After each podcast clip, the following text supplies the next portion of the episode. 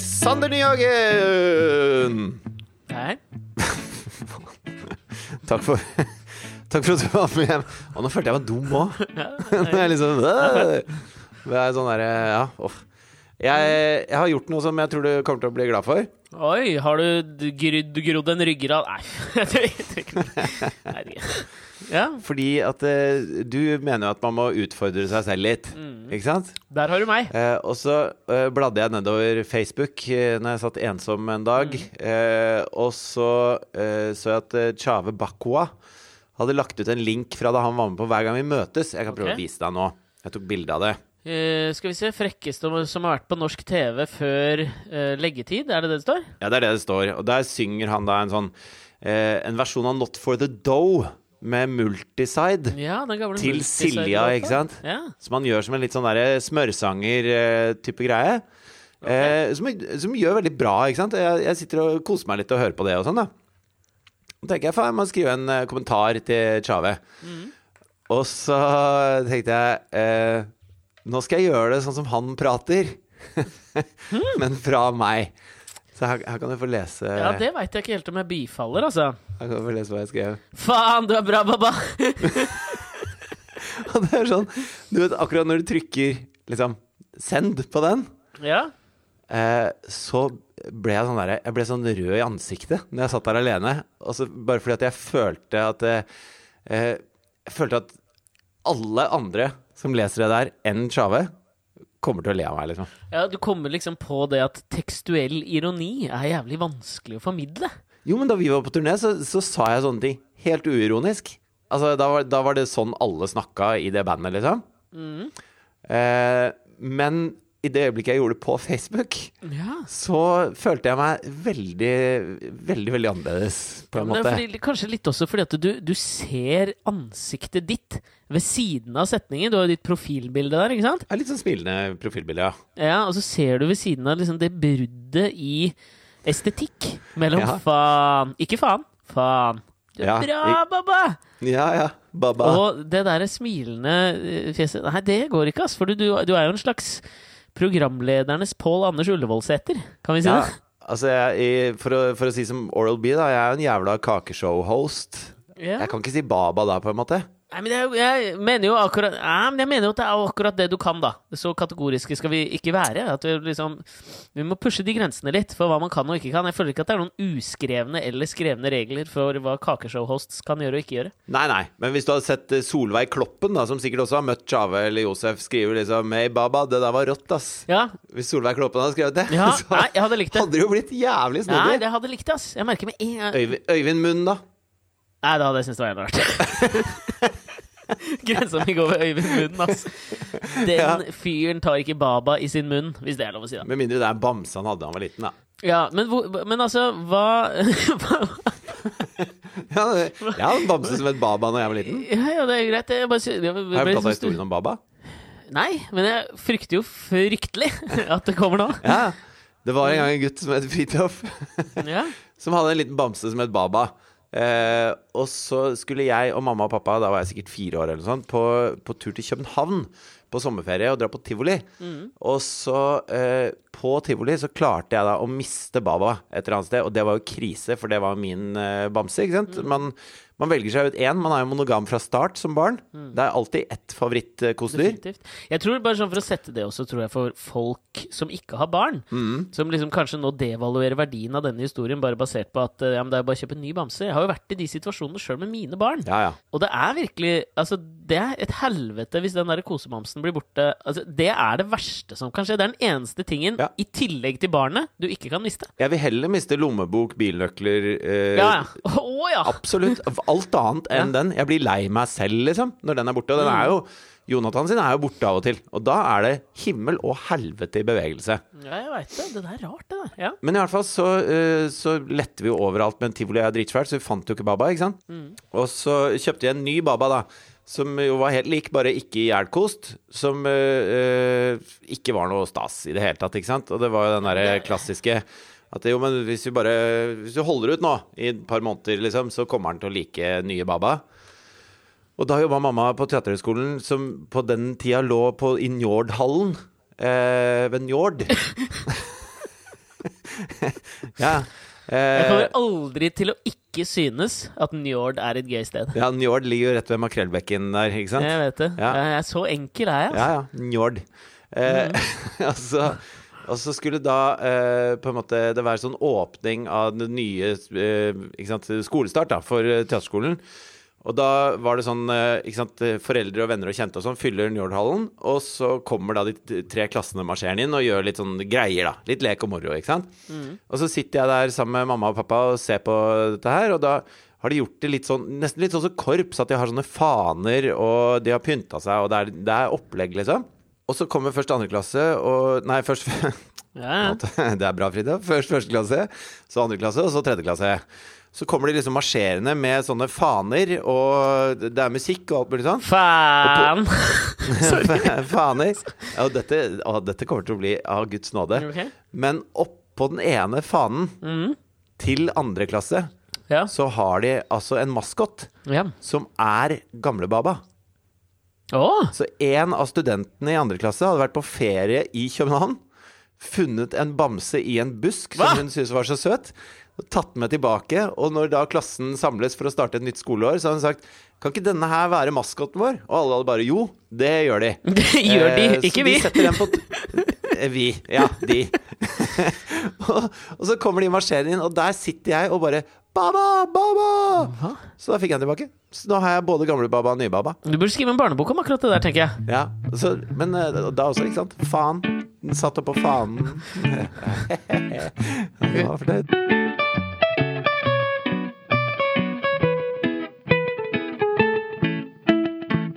For første gang på lenge så er vi på Skype. Ja. Jeg merker jeg kjenner en merke, Det er en sånn merkelig avstand, altså. Uh, når vi nå har sittet Savner det fysiske.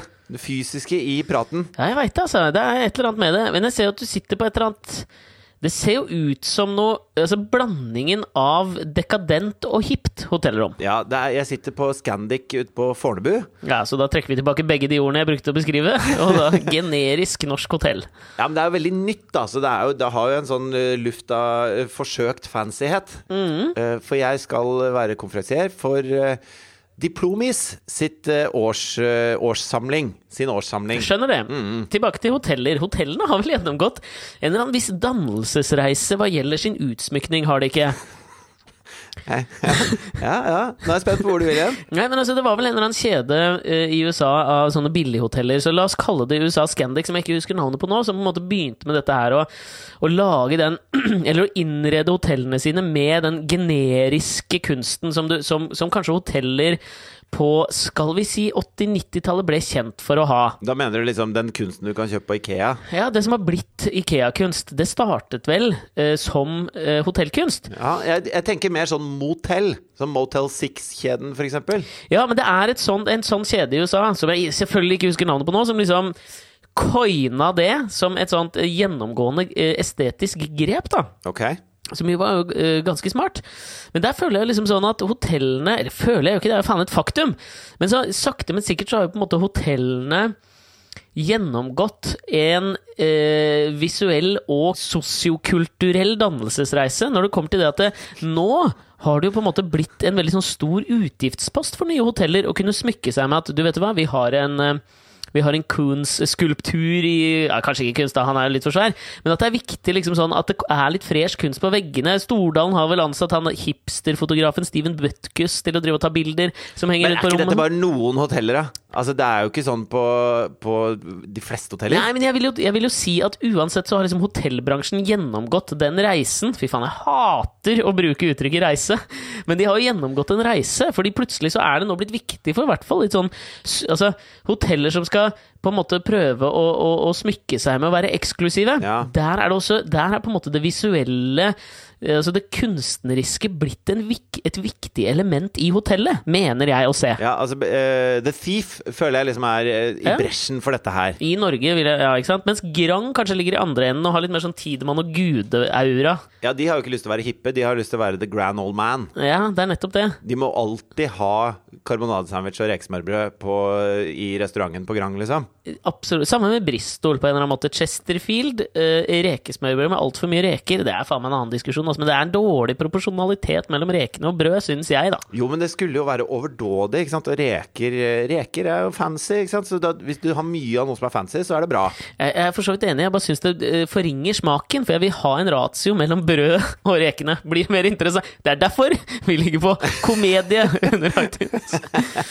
Ja, men jeg, Jo, men jeg husker jo når jeg var, når jeg var liten og sånn, så var det liksom et stort poeng at du skulle ikke ha for mye pålegg på ja, det har jeg heller aldri likt. Ikke sant? At, eh, pappa var veldig på det, da. Ikke sant? At du skal ha Uh, en, Du må velge. Enten skal du ha salami, eller så må du ha gulost. Jeg hadde lyst på salami og gulost. Da. Gjerne litt uh, mye av ting og sånn. Ikke sant? Tre salamier på en brødskive. Hva? Uh, ja, det syns jeg er helt prima. Fy faen, din påleggs-Marie Antoinette, ass.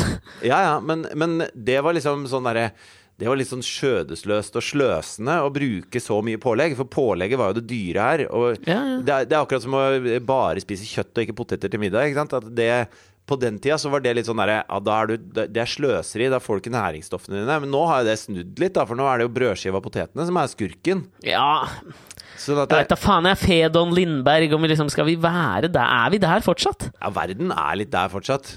Alle, alle snakker liksom om jeg skal ikke spise mye brød og skal ikke spise mye poteter og pasta. Og det, er, det er liksom det man blir i gåsehudene feit av, da, sier folk. Folk. Altså Katrine sier det. Ja, jeg syns Ja. og nå, Jeg syns det er noe forbanna tull. ja, ja, det kan, det kan godt hende. Men, men jeg tror det er, derfra, sant, det er fra den tiden at Grang bestemte hvor mye reker de skulle ha på rekesmørbrød. De skulle ha obskønt mye reker. Sånn at når du, når du fikk det smørbrødet, så var det sånn Hei, her er det Her sparer ikke på noen ting her på Grang. Nei, jeg skjønner men det der er litt sånn fascinerende. Fordi at det der merker jeg at vi, vi kommer fra litt forskjellige skoler også. Fordi det jeg fikk Jeg fikk lov til å ha mye pålegg, men jeg var ikke så keen på det. Du var jo sånn enebarn. Lille prinsen kalte de deg sikkert. Nei, de kalte meg Lillelord.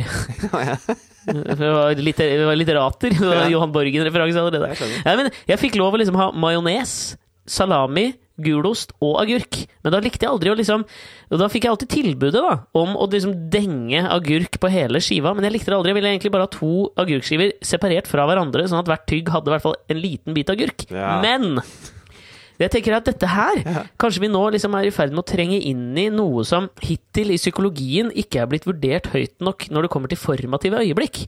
Nemlig ratio pålegg brødskive. Kanskje en reach, men jeg tror det kan ha noe å si. Fordi jeg satt og så på Ja, men jeg føler at det er ganske beskri Mange sånne ting kan være ganske beskrivende. Jeg spiser alltid opp maten min, alt på tallerkenen, uansett. Jeg òg. Du gjør også det. Ja, og så spiser det jeg er fordi gjerne litt du er til. et matvrak. Du er syk. Ja. Det er fordi du er høflig. Nei, men det er jo Det kommer jo fra Du, skulle, du skulle jo spise opp. Ja, ja, du måtte spise opp maten din. Men Spesielt hvis du tok det til deg sjøl. Jeg satt og så på den der, uh, dokumentaren på Netflix som har fått så mye eh, oppmerksomhet i det siste, om disse eh, gutta som lagde Fire Festival. Ja. Har du fått sett på den ennå? Jeg har sett litt av den. Ja. eh, altså, kort bakgrunn da, for de som ikke har sett den. De gutta der, de fikk altså mye pålegg de bare ville på brødskiva. Ja, det er det, det er det jeg mener! ja, ja. For altså, greia her er jo da at det, det var en um, eh, en ung entreprenør, amerikansk entreprenør, ja. Som uh, hadde startet opp et eller annet sånn eh, Han hadde vel gründet et, uh, et firma som drev med litt sånne medlemskredittkort. Magnesis, tror jeg det het. Ja, metallkredittkort. Sånn at det, Ja. greia var, Hvis du hadde et sånt kredittkort, så, så var det ensbetydende med at du var kul og ung og millennial Rik. og hipp og rik, da, ikke sant? Og så ga det deg noen perks hva gjaldt VIP-billetter her eller ditten og datten. Ja. Men så ville jo han ta dette her til the next level. Så han fikk med seg Jar Rule. Ja, de hadde liksom blitt litt kjent med Ja Rule, da, som på en måte på en eller annen rar måte er et veldig merkelig blast from the past, vil jeg påstå. Ja, men han er vel et slags blast from the present også? Han er jo en stor Nei, det er han for faen Er ikke han stor Nei. i USA nå? Nei, det vil jeg faen Nei, jeg syns ikke det. Nei, ok, greit. Jeg syns virkelig ikke Ja Rule er stor nå. Nei, men for alle i USA vet hvem Ja Rule er. Jo, men alle i USA vet også hvem Ted Bundy er. Det betyr ikke at han er køngefyr, liksom. Det er en reach. Jeg vet ikke. Han, det Bon. Jovi kan du si da isteden, liksom. Ja, nei, men han er fortsatt svær. Ja, ok. Jeg vil ta et annet ja, Skilo, da. Alle veit jo sikkert fortsatt hvem Skilo er. I wish I was a little bit taller. Men han er ikke dritsvær nå. Ok, greit. Det var veldig en slags Hva var hiten til Ja Rule, da? Ja, jeg husker ikke. Det er nettopp det. Du husker Ja Rule, men du husker jo ikke hiten hans. Nei, ikke sant. Det er et problem. Ja. Da er du ikke så stor. DMX. Ja, Han var jo svær. Ruff, ruff. ja. Han likte jeg litt. Han var litt tøff. I got blood on my dick cause I fucked the corpse. I'm a nasty nigga when you pass me, nigga. Look into my eyes, tell me that you're ready to die. I'll be a rare motherfucker, bad motherfucker. Ja, jeg husker teksten på en DMX-låt. Okay. Såpass, ja. Uansett, da. Han uh, befrienda uh, Ja Rule, og så skulle de to gå inn i partnerskap sammen og lage en veldig eksklusiv festival. Jeg trodde det var en annen rapper. At du liksom Han, Beef Renda og Ja Rule. At det er en som het Biff Render, liksom. Beef Renda. hadde jo hadde jo vært kult. En eller annen slags sånn blanding av kokk og etterarbeidsredaktør Ja, ja. Som uh, spiste biff mens han rensa ut videofiler. Blir det mer internt nå, så veit ikke jeg. Av alle som hører på nå, så jeg tror jeg det er bare du og jeg som ler Ja, ja. av den Men uansett, da, denne Fire eh, Han eh, hadde lyst til å lage en festival, så han kjøpte en øy eh, på Bahamas. I Bahamas? I Bahamas, Som Pablo Escobar hadde eid før, eller noe sånt. Ja. Eh, og så eh, hadde han og Ja Rule da laget en app som gjorde at du kunne booke artister, store var- artister, til bursdager. Ja, var, det- Så vidt jeg skjønte. Ja, greia her var jo at denne festivalen, Fire-festivalen, skulle være et slags PR-jippo for den appen som de skulle lansere, som skulle være Som skulle Å, dette er alltid så bra. Som skulle revolusjonere bookingindustrien. Ja, ja. Du vet jo Men, eh, alltid at det ikke går. Men eh, altså, jeg har jo også sett Jeg har ikke sett hele ennå, men jeg har sett deler av denne her. Men, men har du noe hot take på dette, eller skal, er vi bare baksiden av DVD-en nå, liksom, som sier hva filmen handler om? Nei, nei, men det, det, jeg bare syns du foregrep meg litt der, for det var mitt poeng. Men nå følte jeg at siden vi hadde en, altså mitt poeng var at sånn, Der har du noen gutter som har fått for mye pålegg på brødskiva si. Og jeg mener kanskje det kan være med en for, forklaring som det formative øyeblikket. For greia her, kort forklart, er jo bare at de, de, de, de spyr ut opp, øh, Ender vel i gjeld på sånn 30-40-50 millioner dollar. Ja. Uten at de klarer å Altså, De gidder jo ikke å planlegge noe festival, eller det får de ikke til.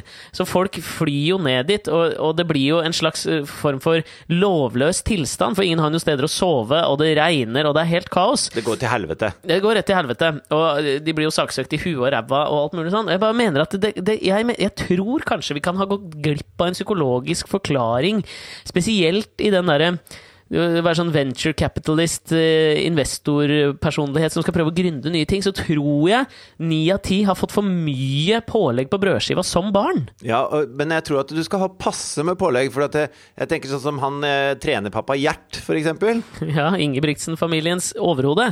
Han har hatt litt lite pålegg på brødskiven til guttene sine. Jeg vet, det var alltid sånn, Når de åpnet matpakka, så var det aldri leverpostei på skorpa. Det var liksom litt inn i midten, i den myke delen av brødet.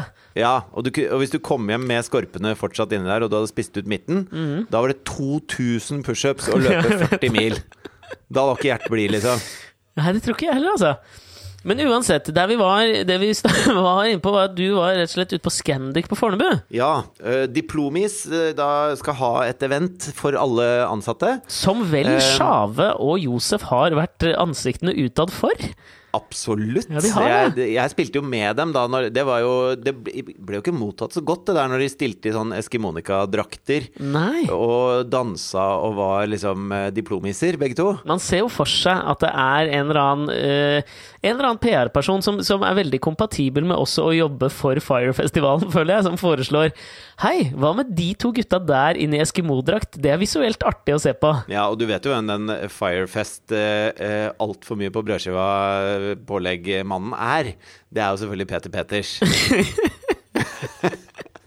altså Mr. Freeride. Mm, Ja, det kan være stemme, det. ja. Ja, han fikk et tilbud fra Diplomis, og så forhandla han det opp. Og når han nådde det magiske nummeret, eh, Så- hadde ikke Chao Josef noe valg lenger. I hvert fall ikke Josef, for han var jo konkurs på det punktet der. Han hadde jo på visakortet sitt så var det sånn gjennomtrykk hvor det sto eh, 'Josef Konkursbo'. Sto det. Istedenfor etternavnet Hva? hans. Ja, det er helt du? sant. Nei, han viste meg det. På visakortet så står det ikke sant? Du vet Navnet ditt er gjennomtrykka. Ja, ja. Og da sto det gjennomtrykk 'Josef Konkursbo'. Men han, får man bruke det når man har konkursbo, liksom? Ja, men du får sikkert ikke ting på krita. Du, du kan ikke legge igjen det i baren, liksom. Josef Konkursbo. Det går ikke. Du må betale med en gang. Ja, det er gøy. Så du skal fylle ut informasjonen din og kjøpe noen deilige billetter til Disney on Ice, liksom? Ja, ja, ja. Fornavn? Josef? Er det en konkursbo? Det er red flag hos alle, alle online-butikker, tipper jeg. Det er det. Og da hadde jo ikke sikkert Peter Peters Han hadde jo ikke lest den, det, det med liten skrift nederst i kontrakten som sa at Og da må Josef Shabbe ta på seg de Eskimo-draktene i reklamefilmen. Han hadde bare lest punkt 3.1 i den kontrakten, som het honorar. Alltid punkt tre igjen! Ja, uansett. Diplomis. Ja, eh, og de har jo et James Bond-tema i år. Eh, Så alle, alle fra Diplomis kommer hit. Eh. Jo, men det er, det er kult, det, da. Jeg syns det er Det gøy. er Jeg har tatt med meg smoking og alt mulig. Nei, fy faen, det er så jævlig ukult, ass. Tenkte jeg skulle komme inn på scenen da når det begynner i morgen tidlig, sånn eh, halvveis med ryggen til, og så hoppe rundt med sånn pistolhånd. Nei, det Hvorfor faen skal man ha tema Men det er, te du, det er tema? Ja, det er tema. Det er James Bond-tema. Det er fordi at eh, Royal er den iskremen som har liksom økt mest da for Diplomis. Ja, Så de tar en gammel, gammel James Bond-film Ja. og klamrer seg til halmstrå om noe, at noen husker Casino Royal? Yes! Og det er jo sånn, de har laget sånne filmklipp og sånn, hvor det liksom er sånne enda eldre James, eh, med Roger Moore. Hvor han liksom sitter i et helikopter og flyr et helikopter, og så har de liksom eh, satt inn eh, markedssjefen til Diplomis i setet ved siden av, og så svarer hun på alt det Roger Moore snakker om, og så står Roger Moore på ski nedover fjellet mens ikke sant, et eller annet annet ismerke jeg ikke skal nevne navn. Henning Olsen. Okay. Henning. Henning etter, er det, for faen. Henning, Ja. ja. Eh, kommer etter, og de er skurkene, og? Det er, men det er gøy, da. Det er James Bond. Herregud, for et eksklusivt innblikk i iskremverdens uh, rivalisering. Ja, og jeg var jo oppe på Diplomis uh, uh, oppe i Nittedal for å liksom hilse på folk. Kunne det ikke vært og, noe annet sted? Nei, nei, og det er kjempesvært. Og de har jo en sånn derre hall hvor de lagrer is, som, hvor det er minus 30 grader. Eh, som er sånn at Nå var det jo ganske kaldt ute, men når jeg kom ut derfra igjen, ut fra den hallen med minus 30, så kjentes det varmt ut ute. Og det var veldig snodig opplevelse. Men jeg fikk liksom hilst på alle de forskjellige gruppene på Diplomis, da. Og det satte jeg veldig pris på. Det syns jeg var veldig hyggelig. Det syns du ikke, ass. Jo, men det var, altså jeg må jo skrive sånne små morsomme stikk Nei, som jeg skal ha mellom de forskjellige. Ikke sant? Når jeg skal introdusere logistikkavdelingen, da, så må jeg finne på et eller annet gøy å si om dem. Og da er det jo fint at jeg har vært der. Ja, men jeg tenker, kunne du sneket inn noe noe Ben Jerry's eller noe Hegendas eller noe Henrik Olsen-referanser som flyr dem litt over hodet, men som kanskje, hvis de tar dem, så skjønner de Kødder han nå, så er det veldig morsomt. Men hvis han mener det, så er det faen meg det frekkeste jeg har hørt. Det kunne jeg likt å se fra deg. Ja, men, men ikke sant? eh, problemet er at dette er en sånn lukket konferanse, sånn at jeg kan jo egentlig bare si at jeg gjorde det neste uke. Jo, men Det er ingen som kan etterprøve meg på det. Nei, det er jo for så vidt sant. Nå vet jeg ikke om vi har mye lyttere fra Diplomis. Jeg, og, og jeg skal være litt sånn forsiktig, trå litt forsiktig her nå også. Altså ettersom jeg ser jo at podkastuniverset er under angrep og diskusjon denne uka. Ja, det hadde jeg faktisk litt lyst til å, eh, å snakke litt om, fordi at det er eh, Var det i VG at det var et, eh, et debattinnlegg om at Ja, Else eh, Marie Sørheim heter hun vel. Ja. Som jeg i utgangspunktet jeg liker hun. Uh, mye smart å si. Jeg er usikker på om hun har mye smart å si nå, men ja. Ja, for da hadde hun skrevet et innlegg, et innlegg som primært mot Tusvik og Tønne. da At de på en måte kunne få lov Altså Primært, det var jo egentlig bare mot Tusvik og Tønne. jo, jo, men det var jo også mot podkastverden. Ja. Hvor hun snakket om at de som på en måte eh, eh, Noe slags gründeraktige i Podkast-Norge eh, hadde lov til å, å bare si, slenge dritt om folk og nevne folk ved navn og si ting som aldri ville vært lov å trykke i en avis, på en måte. Eller si på riksdekkende radio. Og det, det har hun jo rett i. Men at, eh, at podkast er en annen måte å uttrykke seg på, og at det, eh, det er mer sånn som man prater til vanlig. Eh, Jeg føler at det er noe sunt ved det òg. Ja, altså Jeg syns jo kanskje hun bommer litt med kritikk. Jeg synes hun bommer ikke. Det er alltid viktig å ta opp nye mediers påvirkningskraft og det å kunne holde noen ansvarlig for ting. Det støtter jeg helt. Og at vi kan ha en debatt om det, tenker jeg er dritbra. Jeg bare føler at uh, utgangspunktet er litt merkelig, da, ettersom som jeg så Jeg tror hun hadde lagt ut på Facebook hun, liksom, hun hadde ikke hørt noe særlig på Tusvik og Tønne, men hun hadde gått inn og hørt på en episode, og så hadde hun blitt liksom slått i bakken. Så når liksom utgangspunktet er jævlig anekdotisk, så, så sliter jeg litt med å liksom kjøpe premisset for den debatten hun prøver å ta opp. Fordi det virker som Ja, men hun har jo Altså, eh, i det hun sier, altså det, det fakta, eh, faktabaserte i det hun sier, Ja. eh, nemlig at de sier ting som man ikke kan si på en vanlig radiostasjon, eller som man ikke kan sette på trykk i en vanlig avis fordi at det tråkker over liksom, eh, presseetikkens eh, budskap og hva som er målet med presse, og at man skal trå varsomt og være omtenksom med folk. Ikke sant? Hele den greia der, det driver jo ikke de med. Og det har hun rett i. Men samtidig så er det sånn at det, eh, det er jo ikke sånn at de ikke blir stilt til ansvar. De, de er jo der med fullt navn og ansikter og alt mulig sånn. Og hvis de tråkker over, så blir de jo stilt til ansvar av hvis noen reagerer på det. Og nå reagerte hun på det, og da stiller jo hun dem til ansvar. Det er jo ikke sånn at man skal selvsensurere seg mot noe man egentlig syns er greit å si. Fordi at det, eh, De blir jo ikke sure på folk de ikke blir sure på på ordentlig, liksom. De slenger ikke dritt om folk eh, og, og sprer løgner. Det er, mer at det, det er mer at de lar seg opphisse av ting som skjer, og ting de leser om, og, og, og sånne ting. Og hvis, hvis det tråkker noen på tærne, så må de si fra, da, tenker jeg. Jeg er helt enig. Og så syns jeg denne, som så mange andre debatter, så tar den utgangspunkt i I hvert fall når det dreier seg om sånne nye medier, så tar det liksom utgangspunkt i um, at man bru, Altså at man appliserer blikket man har på gamle medier, og, og reglene og på en måte rammene, og så bruker man det på et nytt medium, og det mener jeg liksom er et feil premiss å begynne på. Jeg mener, ikke, Ja. jeg mener definitivt at det burde, funn, eh, burde vært en eller annen slags form for plakat for podkaster. Jeg bare mener at det ikke burde være Vær varsom-plakaten. Det burde være noe annet. En annen plakat. Uh, Ja, men, men det er ikke sikkert man trenger en sånn, en sånn en så formulert plakat. Det er akkurat som altså Jeg synes Et annet bilde på det er jo han komikeren fra Satiriks som var på Dagsnytt 18 ja. eh, sammen med Trond Kvernstrøm og Trine Lise Olsen for å diskutere humorprisen. ja, du tenker på Josef Eh, Hadaoui, men han er, jeg tror ikke han er fra Satiriks.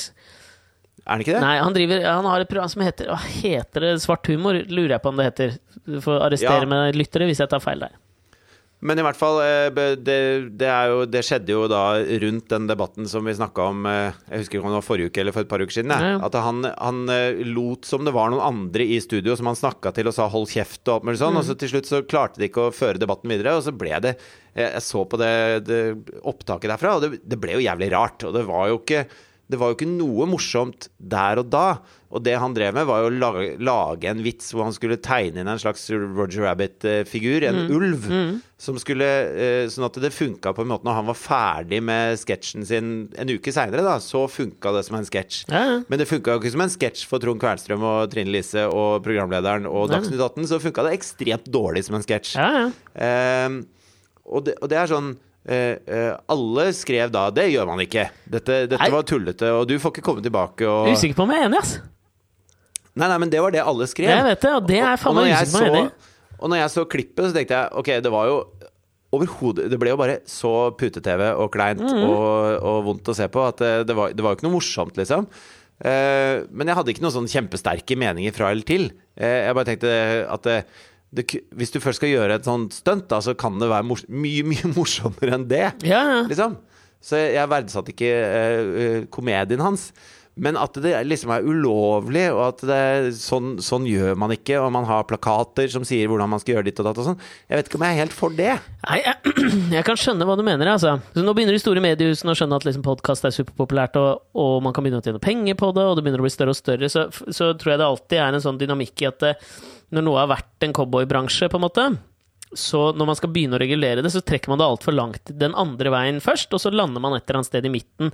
Jeg syns bare det er veldig interessant å se liksom hvor debattene dukker opp og kommer fra i den prosessen, når man prøver å dra det mot midten. Ja, Fordi det, det, som, er, det som jeg syns er sånn skummelt, er jo at det liksom, dette handler om ord. Uh, altså Podkast handler nødvendigvis om ord. ja. Og så handler det om det En eller annen sånn subjektiv tolkning.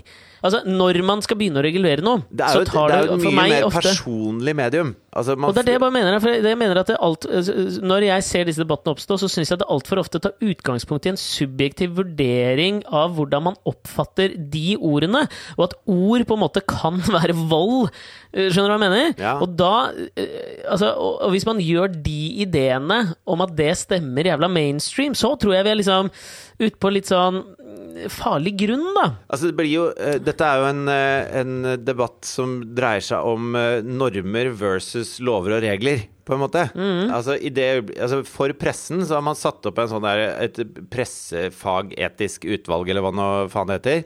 Eh, og, og, har noen, og har noen regler da, som man må forholde seg til. Ikke sant? Som, som jo har blitt bearbeidet over tid, og som ligger i ryggmargen på alle utdanna og gode journalister. Ikke sant?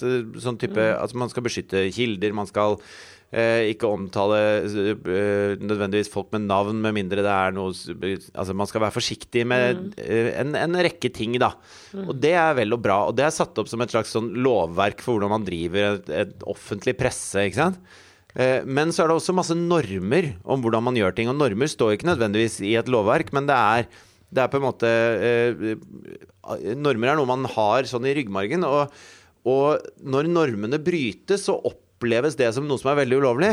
Eh, sånn som eh, borti USA nå, f.eks., hvor liksom hva politikere kan si og ikke kan si, og hvordan de uttaler seg om forskjellige ting, har blitt snudd fullstendig opp ned. Og det er ikke ulovlig for Trump å prate som en jævla idiot, men men det bryter jo med alle normer for hva det vil si å være liksom leder for et land. Da. Eh, han høres jo mye mer ut som en sånn bananrepublikk-diktator eller eh, Nord-Korea enn han gjør noe annet. Og det blir folk jævlig stressa av, de normene brytes. Men, men akkurat når det gjelder det, så, så føler jeg at det er noe av det eh, Det er noe av det bedre han gjør, egentlig. Det å røske litt opp i de normene om at det, det, Ja! Kan man ikke bare jo, men på, et, på et visst punkt kan man ikke bare prate som folk, da. Sånn som Lisa og Sigrid, når de i podkasten din snakker sånn som de snakker til hverandre, så er det befriende å høre noen som ikke legger bånd på seg, men, men snakker sånn som en, en samtalenorm har, da. En samtale med folk man kjenner. Istedenfor at det er sånn ja, med tanke på ditt og datt og bla, bla, bla, med henvisning At det blir sånn derre Det blir så oppstylta, det blir utroverdig, det blir ikke ekte, liksom. Eh, og, og det syns jeg eh, godt er en norm vi kan kvitte oss litt med. At det skal være den distansen til det man snakker om hele tiden, fra et eh, journalistperspektiv, da. Det, eh, det syns jeg er deilig at podkast er med og røske litt tak i. Akkurat som bloggverdenen er med og røske litt tak i. Ja, jeg er enig. Jeg tror det bare det bunner i eh, når sånne ting dukker opp, så tror jeg det bunner i en eller annen slags form for frykt, da. For hva som skal skje, og det kan jeg absolutt være med på det. Hvis du skjønner hva jeg mener. Altså, det er ikke det- som er nytt for noen. Altså, nå vil det jo være veldig veldig mange i Norge som ikke syns podkast er et så jævla nytt medium. Du og jeg syns jo ikke det. Vi har faen meg holdt på griset lenge. Så for Vi har holdt på i sju år, for faen. Mye hver, lenger enn Tusvik og Tønne. Hver, hver uke i sju år. Ja, men det er litt sånn øh, Nå skal jeg prøve å parafrasere på engelsk det jeg husker, men siden du dro til USA, så mener jeg Benjamin Franklin, som er på hvilken seddel i USA? Eh, Franklin 100 dollar? Ja, det er, noe, det er en større seddel. All About the Benjamins. Ja, var det hiten til Jarul? Nei, det var P. Diddy, det. Ja, jeg tror det er 100, kanskje. Those who would give up essential liberty to purchase a little temporary safety deserve neither liberty or safety, eller noe sånt nå, tror jeg han har sagt en gang. Okay. Og det mener jeg liksom her, vi, vi, i, I frykten for det nye, så er vi villige til å liksom kanskje gi altså Vi må ikke liksom komme dit at vi er villige til å gi opp noe, om det så er å la noe være normstyrt, eller liksom å la noe leve litt som en sånn Så har Morten Hegseth kalte det den rebelske lillesøsteren. Jeg kan være tilbøyelig til å være enig i at det er viktig å liksom holde i det, holde i den der frihetsbegrepet. Nå drar jeg det kanskje litt langt, ikke sant? Du snakker bare om podkast, men jeg bare mener det der er jævla viktig at man ikke liksom viker fra det prinsippet om å ikke om å ikke vurdere noe som er nytt med de gamle øynene, da gir vi fra oss en viss sånn Da tror jeg vi gir fra oss en, en, en viss sånn makt over det i framtiden, og, og, og, og, motreaksjonen blir enda større. Og så tror jeg man må tenke, man må tenke annerledes enn man gjorde før. Fordi at eh, Og nå, med før så mener jeg for veldig lenge siden, da. Ja. Fordi at det, nå er det jo sånn at eh, Eller før så var det jo sånn at for å være et menneske som potensielt i det hele tatt kunne nå ut til mange, så måtte du gjennom masse, masse nåløyer. Det, det var et fåtall aviser og én TV-kanal og et fåtall radiostasjoner. Og, og liksom det var et nåløye å komme igjennom, og da kunne man eh, håndheve en slags eh, måte dette skulle skje på. Men nå kan jo hvem som helst, altså absolutt hvem som helst, skrive et eller annet på Facebook som plutselig får bein å gå på. Eh, sånn at alle er på en måte utgivere av meninger og utgivere av tekst og utgivere av eh, holdninger, og, og det kan potensielt nå veldig, veldig mange. da. Sånn at da hvis de normene for hvordan vi prater til hverandre til vanlig, eh, ikke skal få gjelde når det, når det spres til andre enn de som er i samme rommet, så, så har vi et problem med det. Fordi at alle kan ikke begynne å oppføre seg som journalister. Alle kan ikke kunne Vær varsom-plakaten med ryggraden, liksom. Eh, og da må, da må den, den vanlige diskurs lære litt av Vær varsom-plakaten, og Vær varsom-plakaten lære litt av den vanlige diskurs. Man må prate sånn som folk faktisk prater i hverandre, og så får det være normene som avgjør hvordan det skjer. At eh, dersom du tråkker over streken, så, så syns folk du er en idiot, så da prøver du å ikke gjøre det neste gang. Ja, og jeg, jeg tenker jo at liksom sånn øh, nå, nå har vi fått vår eh, Det er vel ikke den første Er han den første? Digitaliseringsminister Nikolai Astrup? Ja, Jeg veit da faen. Jeg vet da faen hva det betyr å være Nei. digitaliseringsminister. For det høres ut som man bare skal Nei, hva det hører Jeg, jeg syns det er Det litt høres ut som man skal ta gamle bøker og sørge for at de er tilgjengelige på internett. Det føles litt sånn, hæ? Ja, Det kjennes kjennes liksom- så, eller hur?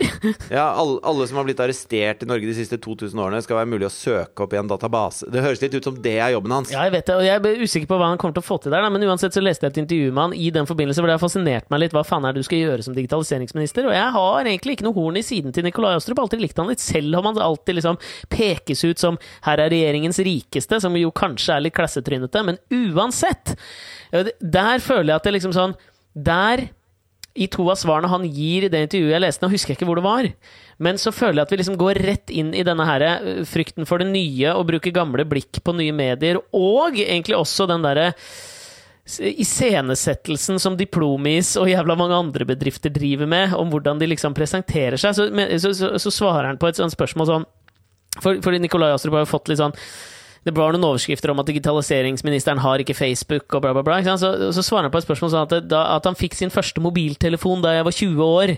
Uh, og, og datteren min spør alltid Men du hadde vel iPad, hadde du ikke det? Ler Astrup, ikke sant? Og så svarer han sånn Nå vokser det opp en generasjon som ikke har opplevd en tid som ikke har vært digital. Ja. Um, og, og det, det, det, det må vi Altså sånn Nå kan vi slutte å bruke de setningene der som en eller annen slags form for sånn forståelse for hvordan det nye kommer til å være. Ja, Hvis jeg hører Det- en jævla historie til om en eller annen eh, toåring som går bort og prøver å sveipe på TV-en, Ja, så klikker det for meg. Altså, Det har vi hørt nå. Slutt! Det, ja, men så, sånn er det nå! Det er ikke noe nytt, det nå. Nei. Vi må begynne å om... Vi, vi, jeg føler at vi lever i sånn her konstant nostalgitripp til det liksom ikke-digitale, liksom. La oss bare omfavne hvordan det er nå, og forholde oss til det istedenfor. Istedenfor å bruke sånn som Erle Marie Sørheim på en måte bruker det gamle blikket på noe nytt. Og det kjeder meg, ass. Ja, og så er det jo litt sånn der også at eh, Hvis du tar Anundsen da, som eksempel, når han eh, drev og snakka om at han ville ha eh, hvis du får mer enn fire barn, eller hva faen det var, så skal du ikke få noe barnetrygd lenger. Eh, fordi at han syntes at innvandrere fikk altfor mange barn, og, og da var det en eh, en fin måte å begrense antall barn innvandrere får, da, for å be bevare det norske i samfunnet vårt. Og han var jo helt sånn han var helt tydelig på at det var nettopp det han mente. Han tenkte egentlig mest på folk fra Somalia når han uh, sa den regelen der. Ja. Så uh, jeg blir jo fly forbanna ikke sant? når jeg hører han uh, holde på sånn. Og at, øh, at da noen skal kreve av meg at ikke jeg kan få si Fy faen, for en jævla rasistfitte han fyren her er. Eh, hvis noen blir sur på meg fordi at jeg sier det, så, så, så tar jeg den. Da kan vi ta debatten om jeg kan få lov til å si det eller ikke. Fordi at det, man kan ikke kreve av meg eh, som eh, podkaster Altså, jeg jobber ikke i VG. Jeg har ikke skrevet under på at jeg skal bruke noe privat Nei, noe privat? Noe Vær varsom-plakat. Eh, så så jeg, jeg kan si det eh, om han i den sammenhengen til hvem som helst. Det, det sliter jeg ikke noe med, at det dette har han skapt selv, liksom. Mm. Jeg er enig også. Bør man ta i betraktning at liksom Publiserte ting kanskje har en signaleffekt, i hvert fall når det har eh, mange lyttere og sånn, men jeg er i utgangspunktet helt enig med deg. Og man må jo stå til ansvar for eh, det man sier uansett, så ja, la oss, la oss ta debatten om debatten om debatten. Ja, Og la oss være enige om at Anundsen er en fitte. Ja, det kan vi godt være. Ja. Men du, nå må vi runde av. Jeg skal løpe videre. ja. For det kommer, kommer store nyheter herfra veldig snart. Det er Bra teaser, det òg, eller? Gjør det det? Ja, det kommer store nyheter herfra veldig, veldig snart, altså. Hva da? Ja, det jeg skal fortelle om i løpet av et par uker. Så Nei. Det er så tull å drive med. Ja, ok, nei, men vet du hva, da sier jeg det Neste uke så skal jeg fortelle store nyheter i podkasten. Ja, hva da? Ja, det, det er jo d- d- teaserens natur! At du Åh. sier teaseren, og så venter du før du sier det ordentlige. Ja, men det, du må ikke bli så god på teasere. Det er jo derfor jeg aldri får lagt meg, for jeg blir sittende og se på neste episode av ting. Fordi jeg er så gode på teasere om dagen. Ja, og det Og skal tenkte du, du var- min kjære venn, gjøre det samme? Det tenkte du hadde vært dumt i vår podkast, at noen ikke klarte, så de valgte å laste ned neste ukes podkast òg. Det tenker jeg er veldig, veldig bra. Jeg. Altså, Du skal jo ikke gifte deg, og du er ikke gravid. Det er, Nei, det er ikke. Det er opplest og vedtatt. Uh, Så noe annet er det. ja. Har du fått deg dame? Nei, la oss Hør nå. Dette her skal vi pønske på. Har du fått deg mann? Dette her skal vi pønske på! Og lytterne også, til neste uke. Men nå må jeg løpe, for de store nyhetene venter på meg. Oh, Jesus. meg. Skal du spise biff? Lykke til hos Diplomisak, kompadre! Vi gleder oss til å høre. Lykke til med de store jævla nyhetene jeg må vente en uke på å høre, da. Nydelig. Hyggelig å prate med deg som alltid. Ha det. Ha det. Ha det. Ha det.